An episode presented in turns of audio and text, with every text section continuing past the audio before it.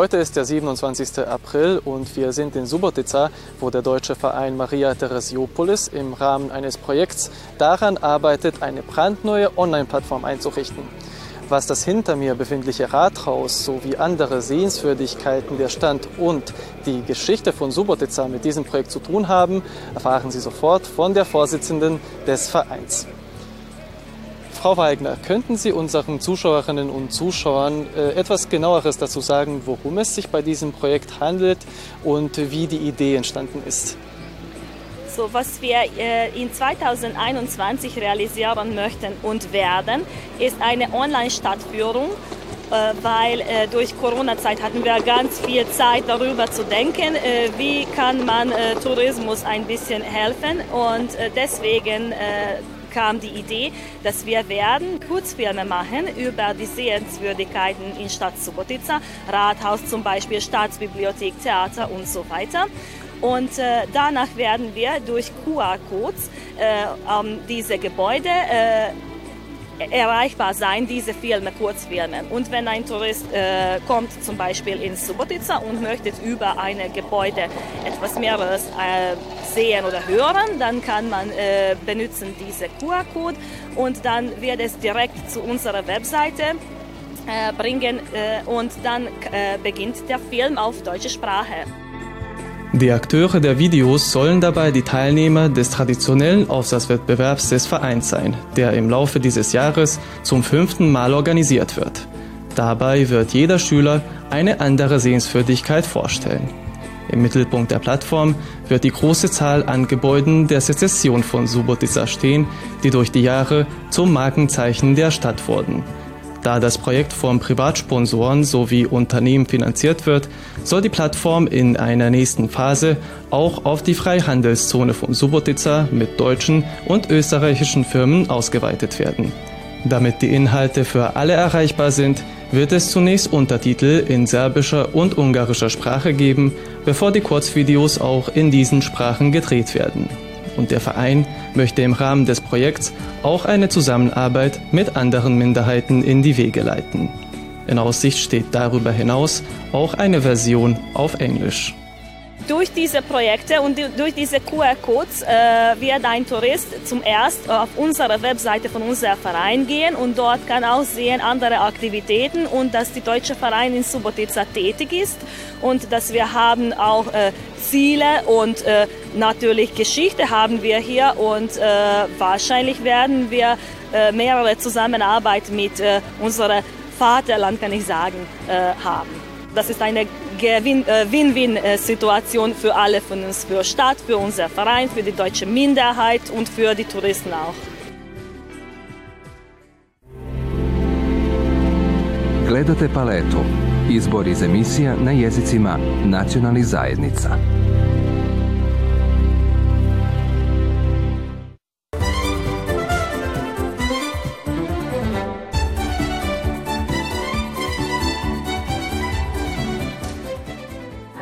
Wir sitzen in der Nähe von Neusatzer Brücken, weil es in dem Verein Neusatzer Brücken etwas Neues gibt. Worum handelt es sich? Ja, genau. Vielen Dank.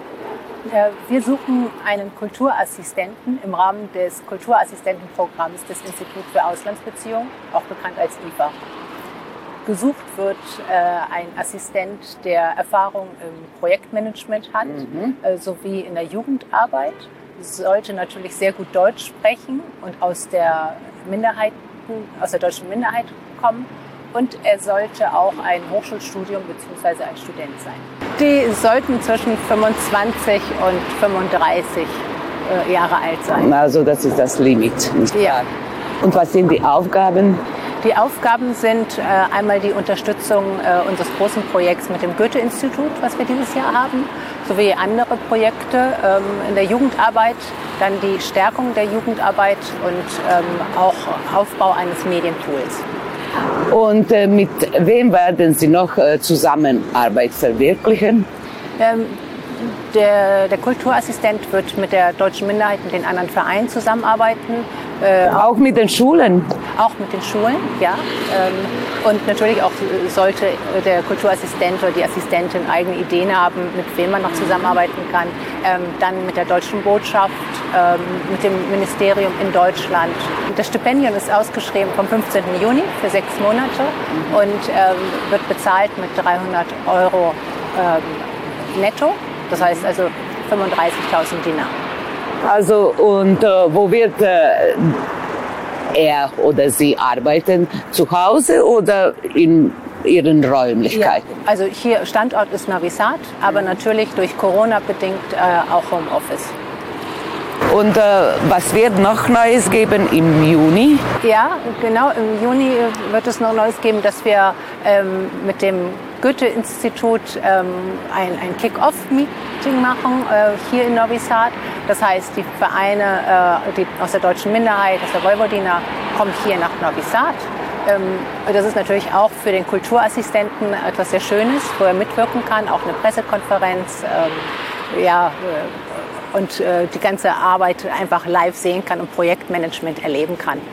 Äh, was ich noch sagen möchte, ist, dass der Kulturassistent auch eine Weiterbildung bekommt vom äh, IFA, also vom Institut für Auslandsbeziehungen und das eventuell auch in Stuttgart, wenn, wenn Corona es uns erlaubt. Ähm, und das auch mit einem Thema, was natürlich für die Weiterbildung sehr interessant ist äh, und zugeschnitten ist auf den äh, Assistenten. Also das ist alles so schön, klingt sehr schön. Ich äh, wünsche Ihnen viel Erfolg. Vielen Dank.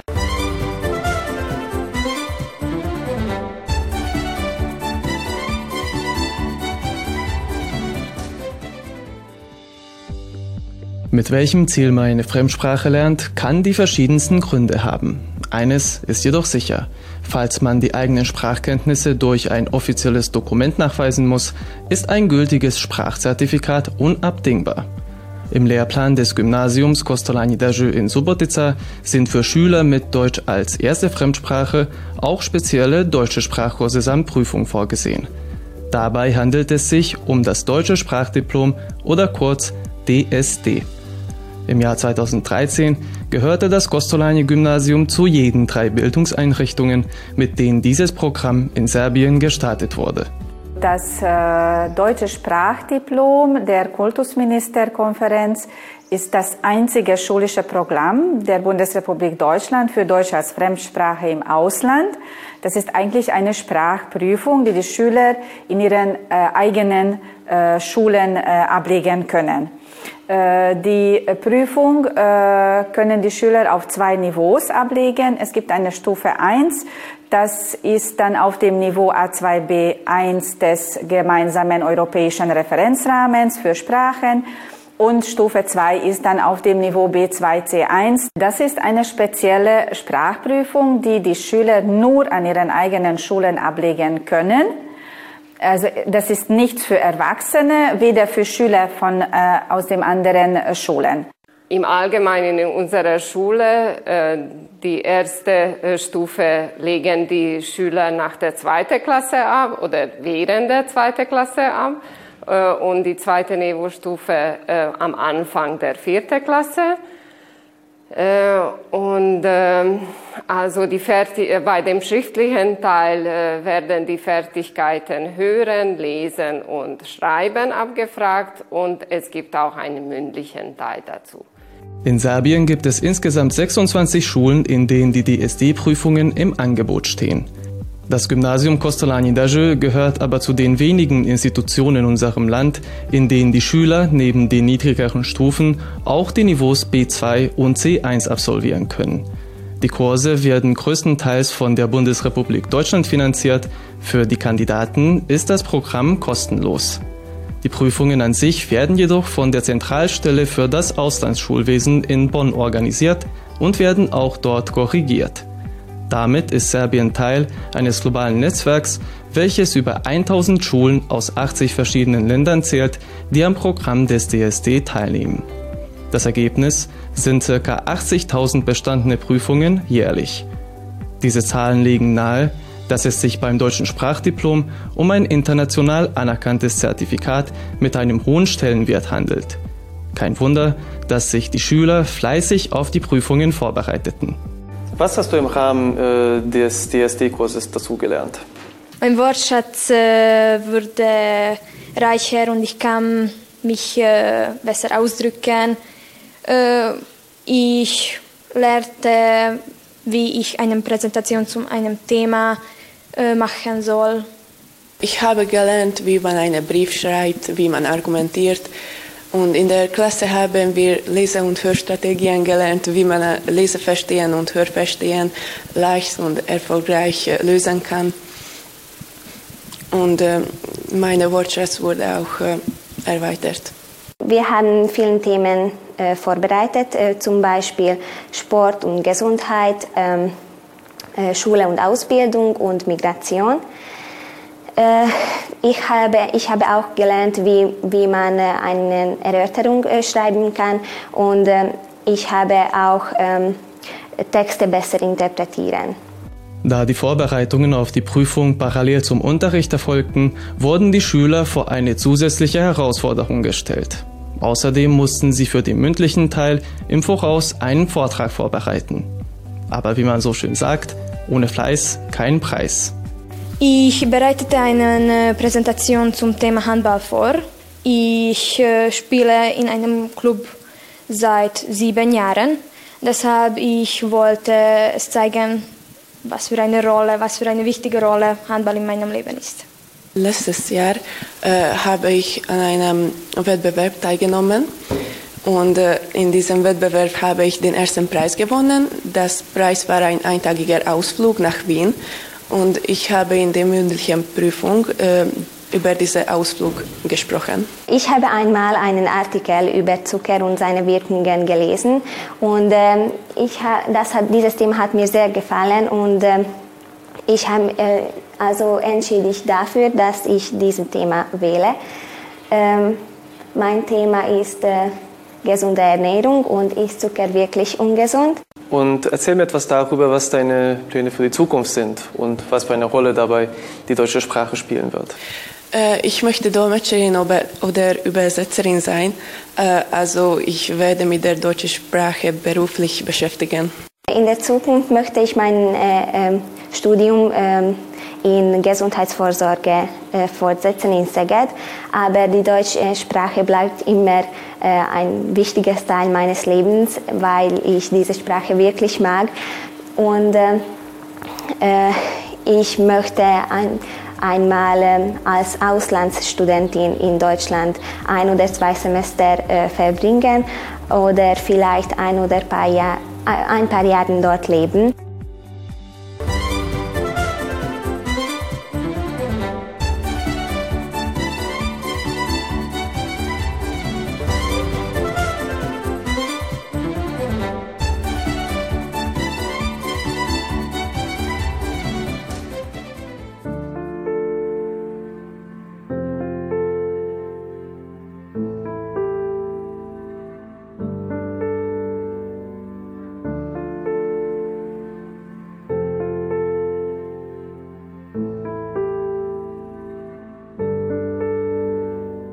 Hallo und guten Tag, Frau Svetlana. Guten Tag, willkommen.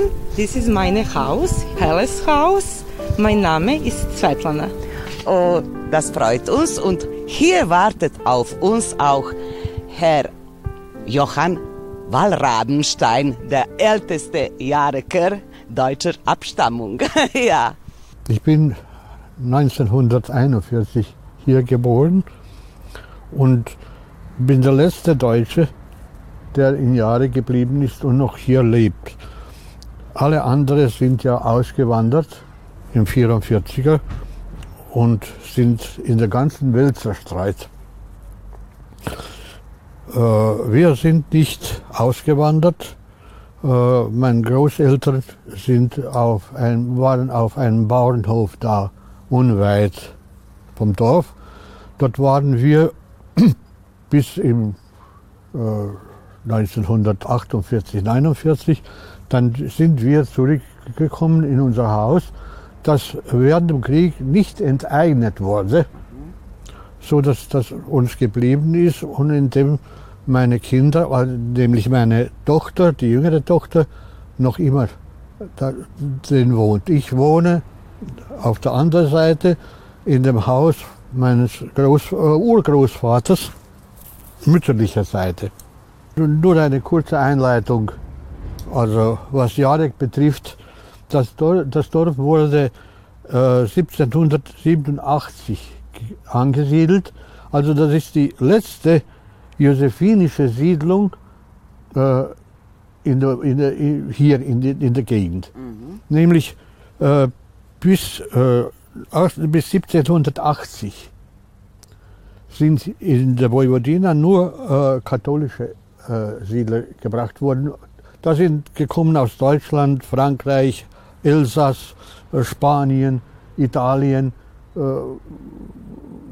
also und selbstverständlich Polen und so weiter. Also aus diesen Ländern, die damals gewisse Teile an, an Ungarn, eigentlich an Österreich gehörten. So dass das, dieses Gebiet hier nach der Befreiung von den Türken gleich, zu gleicher Zeit eine, eine multinationale äh, Sache war, Mischung war da und die ist ja geblieben fast bis heutzutage. Nur mit der Ausnahme, dass eben die Deutschen äh, ausgewandert sind, aber die anderen Nationalitäten sind geblieben. Wann wurden diese Häuser hier auf? Diese Häuser wurden äh, gebaut anfangs des 20. Jahrhunderts. Also zwischen 1903, 1904 bis zum Beginn des Ersten Weltkriegs. Jetzt sind äh, eigentlich äh, diese Häuser wie auch das Helle Haus äh, eine touristische Attraktion geworden. Es gibt Gruppenführungen, nicht wahr? Ja, das ist der letzte, letzte Monat oder wie lange es da dauert schon, nicht? Da hat die Svetlana das da organisiert und ich sehe, dass das irgendwie, das geht irgendwie. Das ist zwar sympathisch und überraschend, dass jemand da Interesse gefunden hat an dem Ganzen weil äh, letzten Endes Jarek hat ja äh, in diesem Sinne keine große, äh, hat ja nicht was zu bieten, also wir sagen. Wie sehen Sie die Lage der deutschen Minderheit hier in der Vojvodina? Ja, was, was soll ich da schon sagen? Also, ich glaube, ob da, ob da noch was zu machen ist, oder etwas zu retten ist, wollen wir sagen, ist schwer, schwer zu glauben. Ich sehe es an meinen Kindern. Sprechen Sie die, äh, Ihre Sie, Kinder Deutsch? Sie sprechen, aber Sie haben ja nicht mit wem zu sprechen. Also, Herr Wallrabenstein, vielen Dank und ich wünsche Ihnen gute Gesundheit und, und alles, alles gut. Alles andere ist vorbei.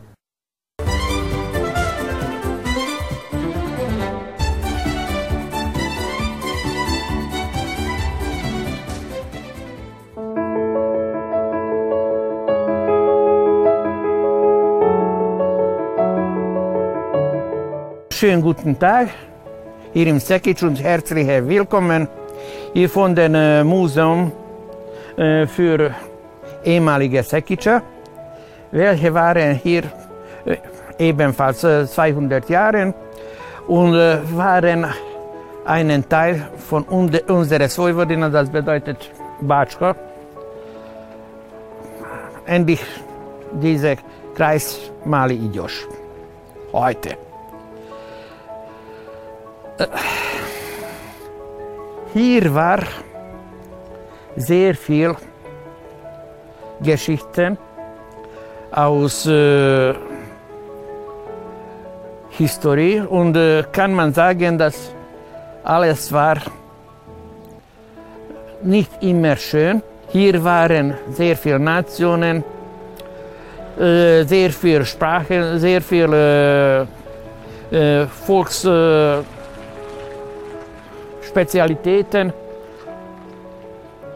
und am Ende wird es schön. Heute ist alles anders. Kommt eine Monokultur, monohistorisch, monosprachisch Welt. Und dass wir nicht vergessen, Familie Eisele hat diese Stube, Erinnerungsstube, Museum, äh, eingerichtet. Und äh,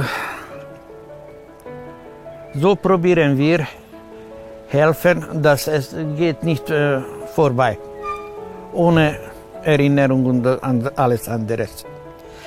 Und wir bitten alle Leute, welche gehen durch Sekic, heute Lovčanac, dass sie kommen und äh, machen einen Einzug und äh, können auch erinnern.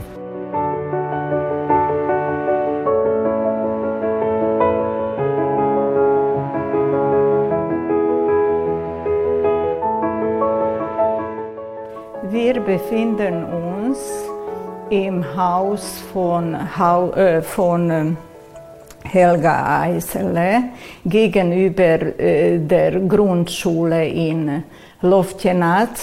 Äh, der, das Dorf wurde in der Schwabenperiode als Dorf Sekic bekannt. Diese Schwabenperiode des Dorfes dauerte 159 Jahre von 768 zu, äh, bis äh, zum Ende des äh, Zweiten Weltkrieges. Die Deutschen, äh,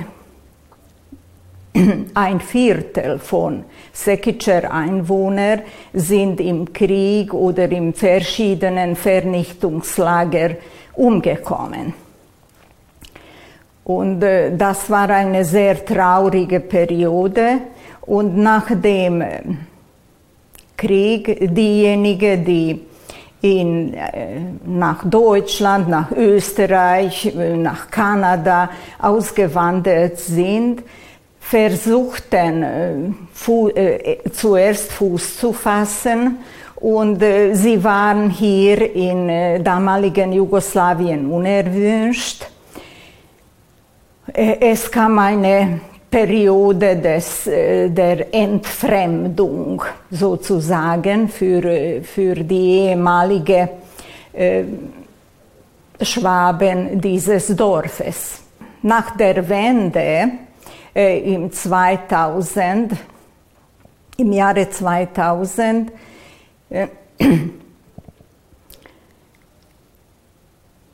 ist Ostwald Hartmann zu einem Klassentreffen hierher gekommen.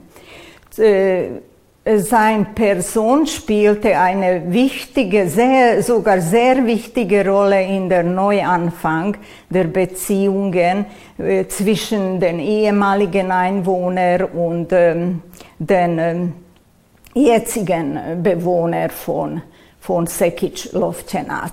Dann äh, hat äh, Oswald Hartmann äh, in äh, Deutschland in, äh, ein Vereintreffen äh, zusammengerufen, der, denn er war der Vorsitzende des Vereins in äh, Sekitscher und Feketitscher in Deutschland. Und dort haben sie beschlossen, dass sie ein Denkmal äh, im Friedhof äh, bauen wollen.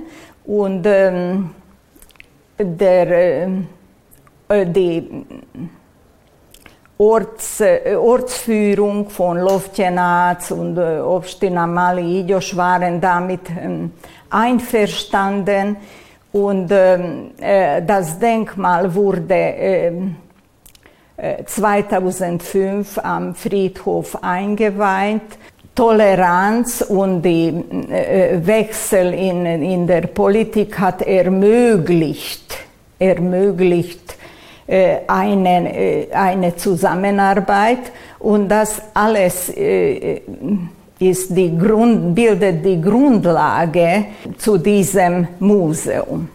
Und das ist das Haus von Frau Helga Eisele, also das ist ein Privatmuseum. Jetzt ist eine neue Periode der Geschichte und die Zeit der Versöhnung ist gekommen.